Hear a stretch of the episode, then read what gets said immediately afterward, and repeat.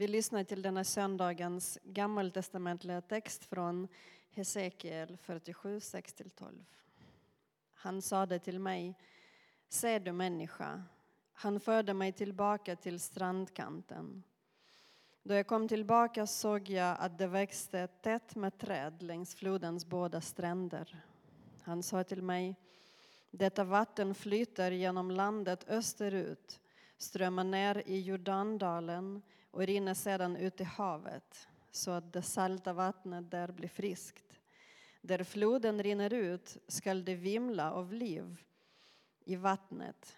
Fisk ska finnas i överflöd. Där detta vattnet rinner ut eh, blir allt vatten frisk. Där floden rinner ut kan allt leva. Fiskare ska stå längs stranden från en gedi till en eglaim skall deras nät ligga på tork. Fisk av alla de slag ska finnas där i samma överflöd som i Medelhavet. Men gölar och dammar ska inte bli friska. De tjänar till utvinning av salt. Längs floden utmed båda stränderna ska alla slags fruktträd växa. Deras blad ska inte vissna och deras frukt aldrig ta slut. Varje månad bär de ny frukt, ty de får sitt vatten från helgedomen. Deras frukt ska ge föda och deras blad läkedom. Så lyder Herrens ord.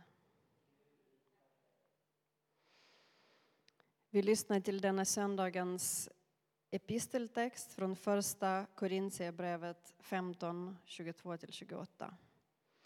Liksom alla dör genom Adam så skall också alla få nytt liv genom Kristus. Men i tur och ordning. Först Kristus och därefter vid hans ankomst de som tillhör honom. Sedan kommer slutet när han överlämnar riket åt Gud, Fadern. Då han har förintat varje välde och varje makt och kraft till han måste härska tills han har lagt alla fiender under sina fötter. Den sista fienden som förintas är döden, ty allt har han lagt under sina fötter.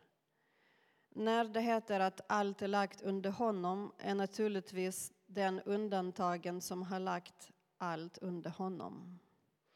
Men när allt har lagts under honom skall sonen själv underordna sig den som har lagt allt under honom så att Gud blir allt överallt. Så lyder Herrens ord. Upplyft era hjärtan till Gud och hör söndagens heliga evangelium enligt evangelisten Matteus. Med himmelriket är det också som när man lägger ut ett nät i sjön och får fisk av alla slag i det. När det är fullt drar man upp det på stranden och sätter sig ner och samlar den goda fisken i korgar och kastar bort den dåliga. Så skall det bli vid världens slut.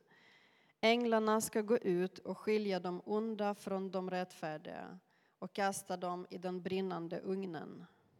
Där ska många gråta och skära tänder. Så lyder det heliga evangeliet. Lovad vare du, Kristus.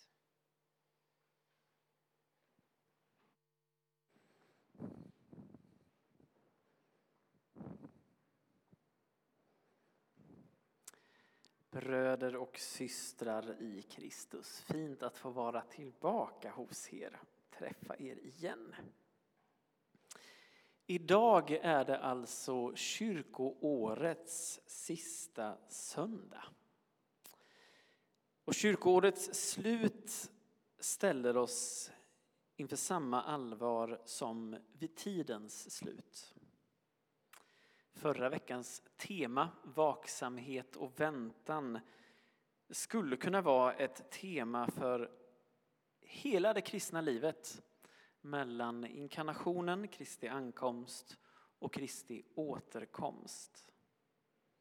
En ständig urskiljning och övning i tålamod.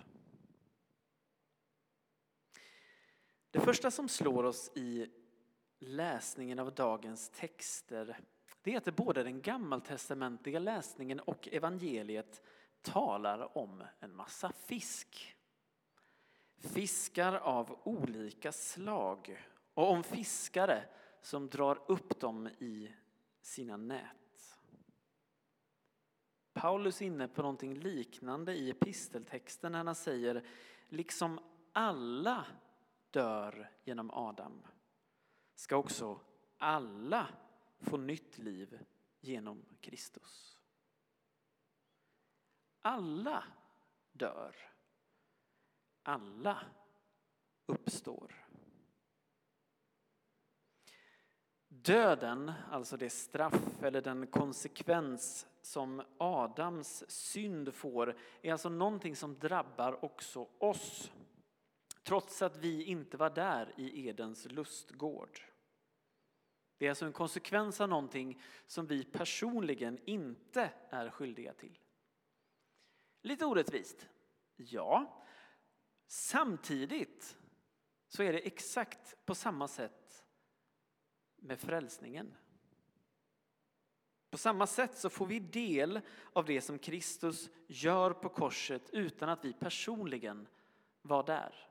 Eller utan att Jesus behöver dö för exakt en gång för oss var och en. Det är nåd. Det är en gåva. Och det som skiljer människorna åt är inte att vissa har fastnat i nätet och andra inte har gjort det. Eller att vissa har fått en gåva av nåd och andra inte har fått det. Utan det tycks handla om vilka som har valt att ta emot den och vad man har gjort av den.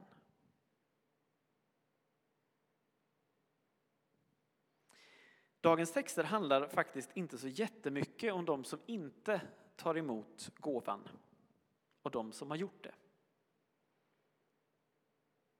Fokuset ligger istället, eller fokus ligger faktiskt mer sällan, både i skrift och tradition, på vad som händer med de som inte tror eller har tagit emot Gud. Fokus ligger oftare på de som faktiskt säger att de har gjort det. Och redan här så börjar vi märka hur det där fingret som vi tenderar att börja sträcka ut mot alla andra när det handlar om synd, död och ondska sakta men säkert börjar vridas in mot mig. Man skulle kunna säga att dagens texter behandlar frågan hur vi ska hantera alla dåliga och onda människor som kallar sig kristna. En fråga som har varit aktuell, varit aktuell från allra första stund. Hur ska vi hantera människor som bekänner Jesus som sin Herre och som samtidigt i vardagen verkar fullständigt skita i honom? Hur hanterar vi de som gör en sak, säger en annan sak? Hur hanterar vi de som försöker att profitera på budskapet mer än de verkar vilja profetera utifrån det?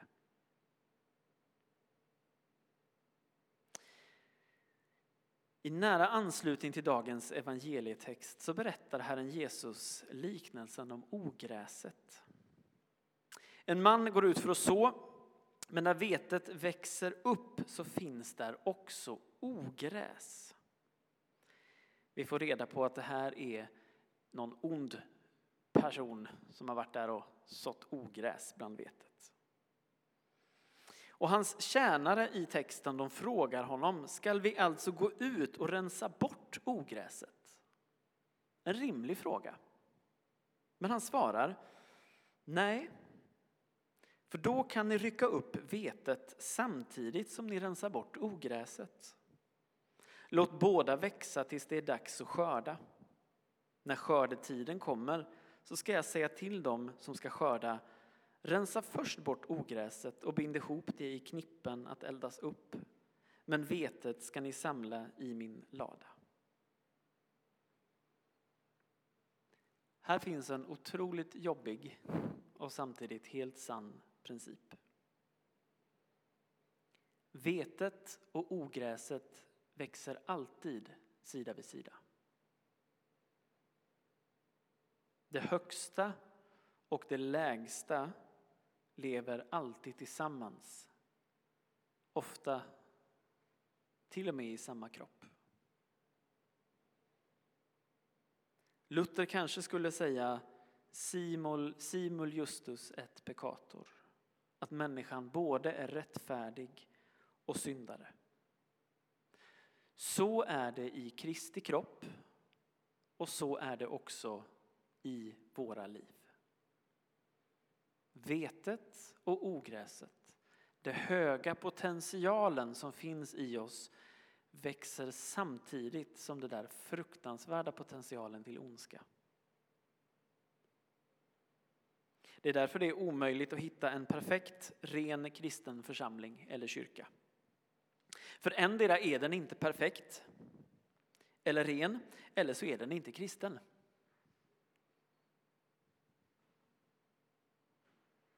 Tyvärr. Här behöver vi ha nåd med varandra och här behöver vi ha nåd med oss själva. Det går inte att slita bort ogräset hur som helst eller när som helst. Hur mycket vi än hade önskat det. För då riskeras vetet skadas. Vi behöver hjälp. Vi behöver också tålamod för att sakta men säkert rensa bort ogräset. Men även när vi gör det sakta och säkert så kommer vi inte få bort allt ogräs på den här sidan evigheten. Och det kan faktiskt få vara en tröst för oss. På detta första så följer det andra. Vår uppgift i detta det är att följa Kristus och söka helighet. Olivier Clement skriver i sin bok Källor ett citat som jag nästan alltid har med när det är domsöndag. Han säger så här. Andligt talat är det omöjligt att tala om helvetet eller domen när det gäller andra. Helvetet är något som inte kan nämnas annat än när man talar om jag och du. Evangeliets varningar gäller mig. De skänker allvar och dramatik i mitt andliga liv och driver mig till ödmjukhet och ånger eftersom jag kan se att de beskriver det tillstånd där jag befinner mig. Men när det gäller dig, nästans oräkneliga dig, kan jag bara tjäna, vittna och be att du får uppleva den uppståndne Kristus och att du och alla människor blir räddade.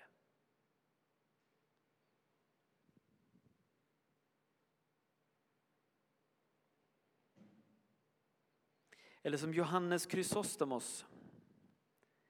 Guldmunnen betyder Chrysostomos, för han var så bra på att predika. Han säger i sin påskpredikan på 300-talet. Därför går ni alla in i er Herrens glädje, både den första och den siste. Ta emot er belöning. Ni rika och ni fattiga, jubla med varandra. Ni nyktra och ni lättja, hedra dagen. Ni som har hållit fastan och ni som inte har det, var glada idag. Bordet är fullmatat, gläd er alla. Kalven är fet, låt ingen gå ut hungrig. Låt alla njuta av trons högtid, ta emot all godhets rikedom.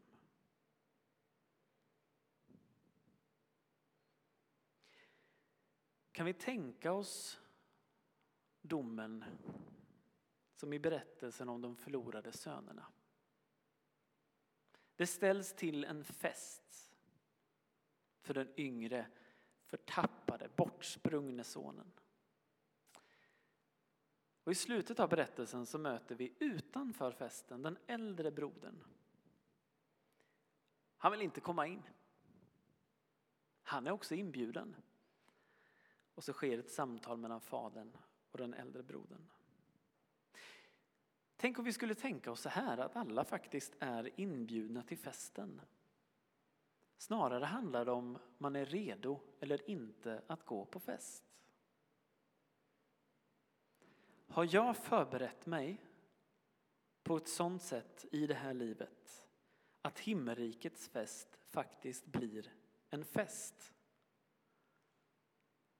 Eller har jag levt på ett sådant sätt att det kommer kännas som ett helvete?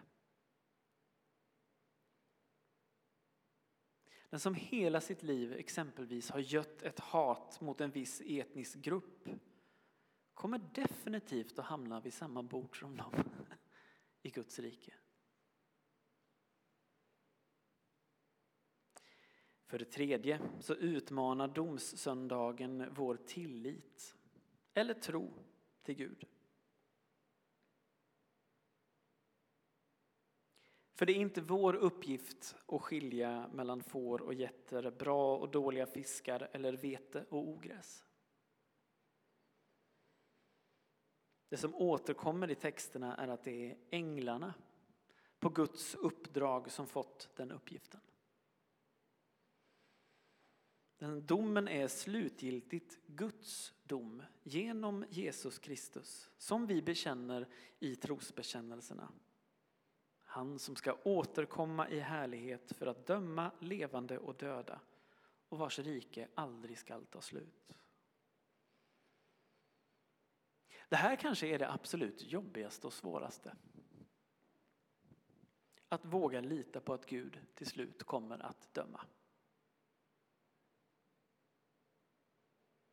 För det finns väl inget bättre bevis på hur mycket vi längtar efter dom och domedag än det faktum att vi så ofta dömer varandra. Vad är det annars ett bevis på ett behov av att göra? Vad kommer det behovet av? Jag tror att det kommer av behovet av att vi behöver någon som ställer saker och ting till rätta. För vad är det vi gör när vi dömer varandra? Vi säger att vi orkar inte vänta på Guds dom. Och precis som Adam och Eva i lustgården så tar vi det som inte är vårt innan det är dags.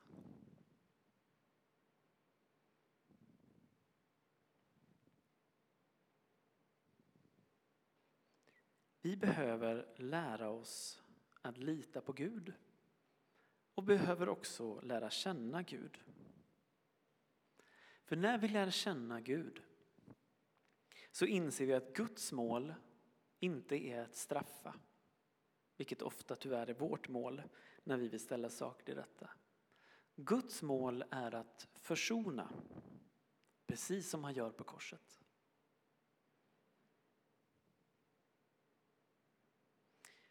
Ibland undrar jag om inte detta också är det som kan ställa till det för oss. Speciellt de som faktiskt har lärt känna Gud lite grann. Det är lätt att vi blir liksom som antihjälten i actionfilmerna som säger Gud förlåter men inte jag. För den som lär känna Gud vet att Gud, som Clement skriver, inte är rättvis. Han är mer än rättvis. Oändligt mer. Gud är vanvettig kärlek som aldrig upphör att stiga ner i vårt helvete för att åter resa oss upp. Gud är vanvettig kärlek som aldrig upphör att stiga ner i vårt helvete för att åter resa oss upp. Och så är vi där igen till denna oerhört jobbiga paradox. Att det där är ju fantastiskt skönt när det gäller mig. så jobbigt när det gäller alla andra. Det är så gött att Gud är god mot mig. Men det är så jobbigt att han också ska vara det mot alla andra. Och speciellt de som har sårat mig. I de fallen vill vi inte att Gud är vanvettig kärlek utan att han är straffande och hård. Gud vill försoning. inte straff för sakens skull.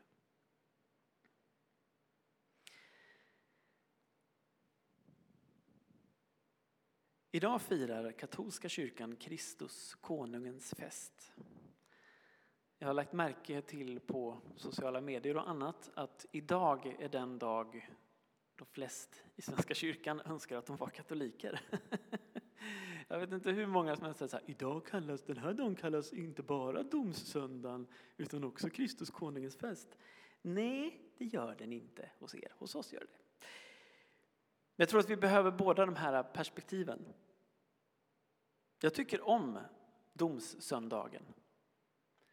För det sätter ord på detta allvar som vi behöver ha med oss i våra andliga liv.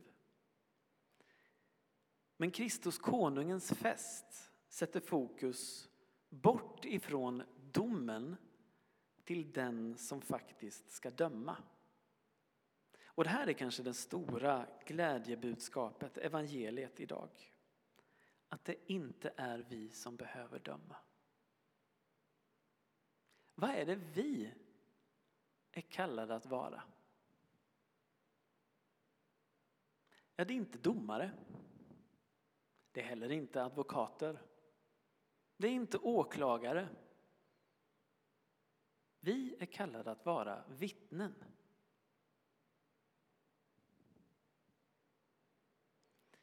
Vår uppgift det är att samla på saker att vittna om. Och det gör vi genom att komma närmare, lära oss lita på och bli mer lik Jesus Kristus. På så sätt så kan vi sakta men säkert börja befrias ifrån behovet av att döma oss själva och andra. Och mer och mer våga överlämna det till honom. Både idag, imorgon och på domens dag. Domsöndagen avslutar kyrkoåret och sen glider det liksom sakta in i den lilla adventsfastan. Och fasteperioderna ges oss av den helige Ande för att vi ska kunna få möjligheten att medvetet lyfta upp det som står i vägen mellan mig och Gud. När vi går in i lilla adventsfastan så får vi ta med oss dagens allvar och tema och dramatik och direkt sätta den i handling. För direkt så räcks oss fastans nåd som en gåva. Som en möjlighet att ta tur med allt vårt mörker och som en konkret möjlighet att söka Kristus och hans helighet.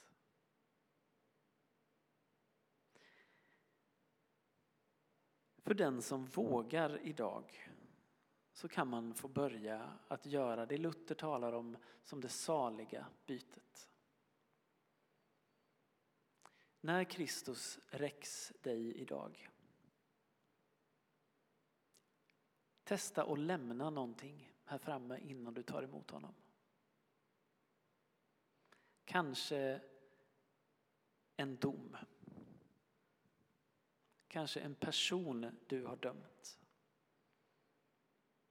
Bara ni som vågar. Testa att lägga bort den. Testa att släppa den här framme. Andligt så att säga lägga det på altaret och säga Gud, här får du. Och så byter vi. Du får lite skit och jag får dig.